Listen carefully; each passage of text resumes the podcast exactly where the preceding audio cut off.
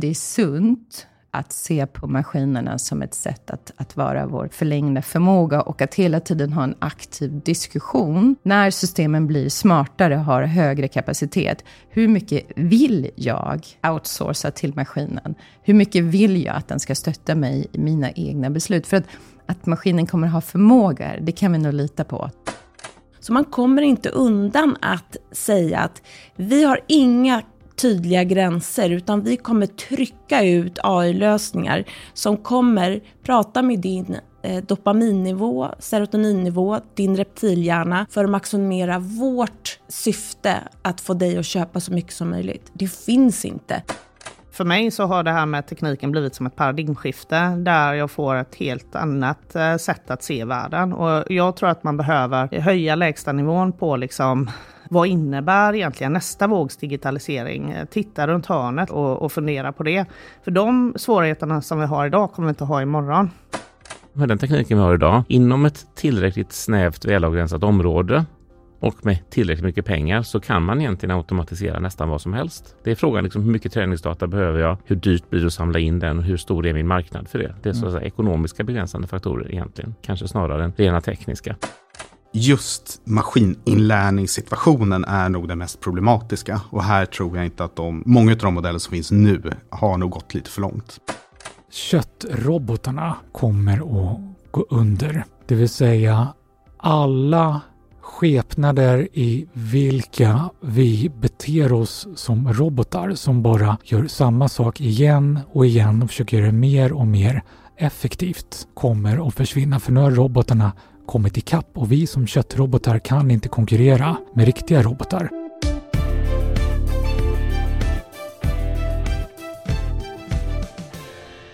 Hej och välkommen till eh, Förhandlingspodden. Podden där jag, Karl Fager, försöker eh, bli lite klokare genom att träffa väldigt smarta och roliga och spännande människor. Och eh, sen ett par år tillbaka jobbat i, i det här säsongsformatet där man, jag väljer ett tema och så gräver vi lite extra djupt där. Och nu här våren 2023 så bestämdes ju temat att vara AI i vid bemärkelse.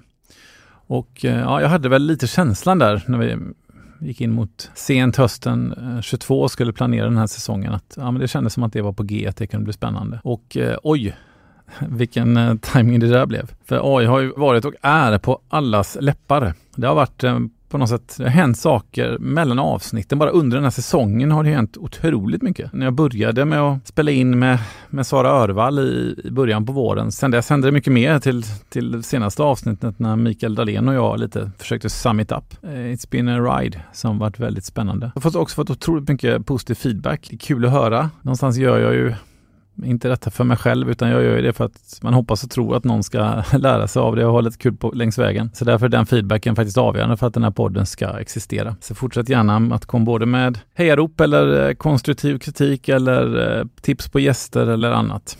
Sen det här med AI är också intressant för att det är uppenbart vilket enormt sug efter kunskap det finns. hur, hur få som kan det här på riktigt. Jag är väldigt, väldigt nöjd med gästlistan under våren. Men, men, det är bara att konstatera att det händer ju nu. Så att det finns ju ingen som med stor erfarenhet kan berätta vad som har hänt och vad som kommer att hända. För det har inte hänt och det har aldrig hänt. På det sättet har det varit spännande. Det blir nästan liksom lite lustigt när, när ja, en person som jag då nästan, ja, jag har hållit föreläsningar om AI. Jag har kommit och pratat med ledningsgrupper hur man ska förhålla sig, vilken strategi man ska ha till AI-utvecklingen för sitt företag etc.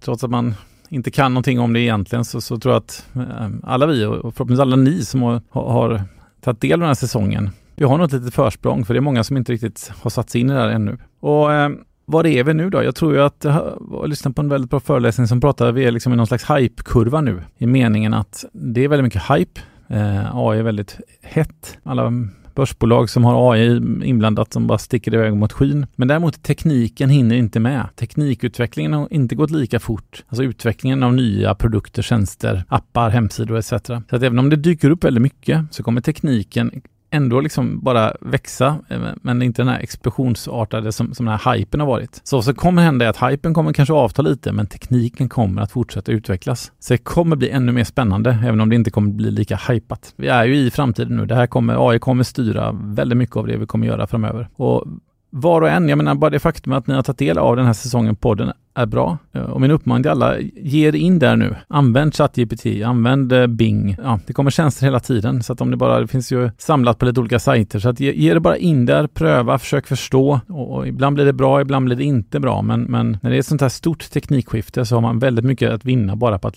liksom vara nyfiken. Så det är väl min, min uppmaning så här framåt sommaren, för nu står ju sommaren för dörren och, och man har lite tid över. Eh, till att lyssna på poddar, till att läsa böcker, till att ta sig tid att reflektera lite. Det är väl en annan sak, någon slags en annan skärningspunkt i det här med AI. Det har ju också som har präglat säsongen. Vi har Anna Fällende pratat om etik och vi har haft andra avsnitt där Pernilla Jonsson pratade om de, de tekniska möjligheterna. Det gjorde Sara Örvall också. Så vi kan konstatera att vi kommer egentligen kunna veta, AI kommer kunna hjälpa oss med otroligt mycket. De eh, kommer kunna hjälpa oss att berätta och säga hur vi mår.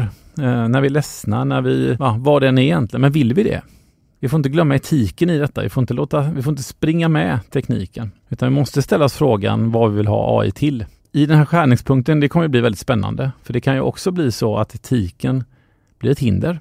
I meningen att vi kanske säger att nej, vi ska inte dela någon information. Vi ska inte, att man förbjuder helt enkelt i princip. Som Italien gjorde initialt när man förbjöd ChatGPT. Hur ska vi manövrera i detta? Både som enskilda personer, som företag, organisationer men också som samhälle. Nu har vi en, en AI Act på förslag som, som ju försöker manövrera i det där avsnittet med mina kollegor Alexander Källström och Mikael Satama Granberg. Där, där gick vi igenom lite eh, vad som gäller på lagstiftningens område. Men än så länge är det ju väldigt lite, lite satt och det, det är också en väldigt stor utveckling som kommer i den delen. Så att, ja, summa summarum så är det ju det är en väldigt stark rörelse framåt. Det är väldigt hypat, svår balansgång mellan teknisk möjlighet och etiska utmaningar. Och, och för egen del då, jag som är nyfiken, eh, jag är också ganska förändringsbenägen, så är detta helt fantastiskt. Dessutom blir det väldigt komplext, vilket ja, men också är kul för oss som, som sitter och hjälper människor att fatta strategiska beslut och så vidare. Så är det spännande. Det blir liksom ett ytterligare en ny dimension dimension att på något sätt lägga in i alla beslut som som fattas, men som också kan hjälpa till att fatta beslut. Så jag hoppas verkligen att ni har tyckt det här var kul och att ni känner att ni har lärt er lite mer om AI än vad ni gjorde innan ni tog del av den här säsongen. Och eh, nu tar förhandlingspodden lite semester och återkommer framåt hösten. Det är inte satt vad temat blir för hösten. Så har ni tips eller idéer på det så får ni gärna höra av er. Men nu vill jag, för min räkning, Susanne Karlsson på Max marknadsavdelning som är behjälplig och Simon Löving som också klipper podden. Eh, det är vi tre som närmast eh, står för detta. Tack er alla för visat intresse och önska er en riktigt god och eh, förhoppningsvis vilsam sommar. Sköt om er därute. Ni är bäst.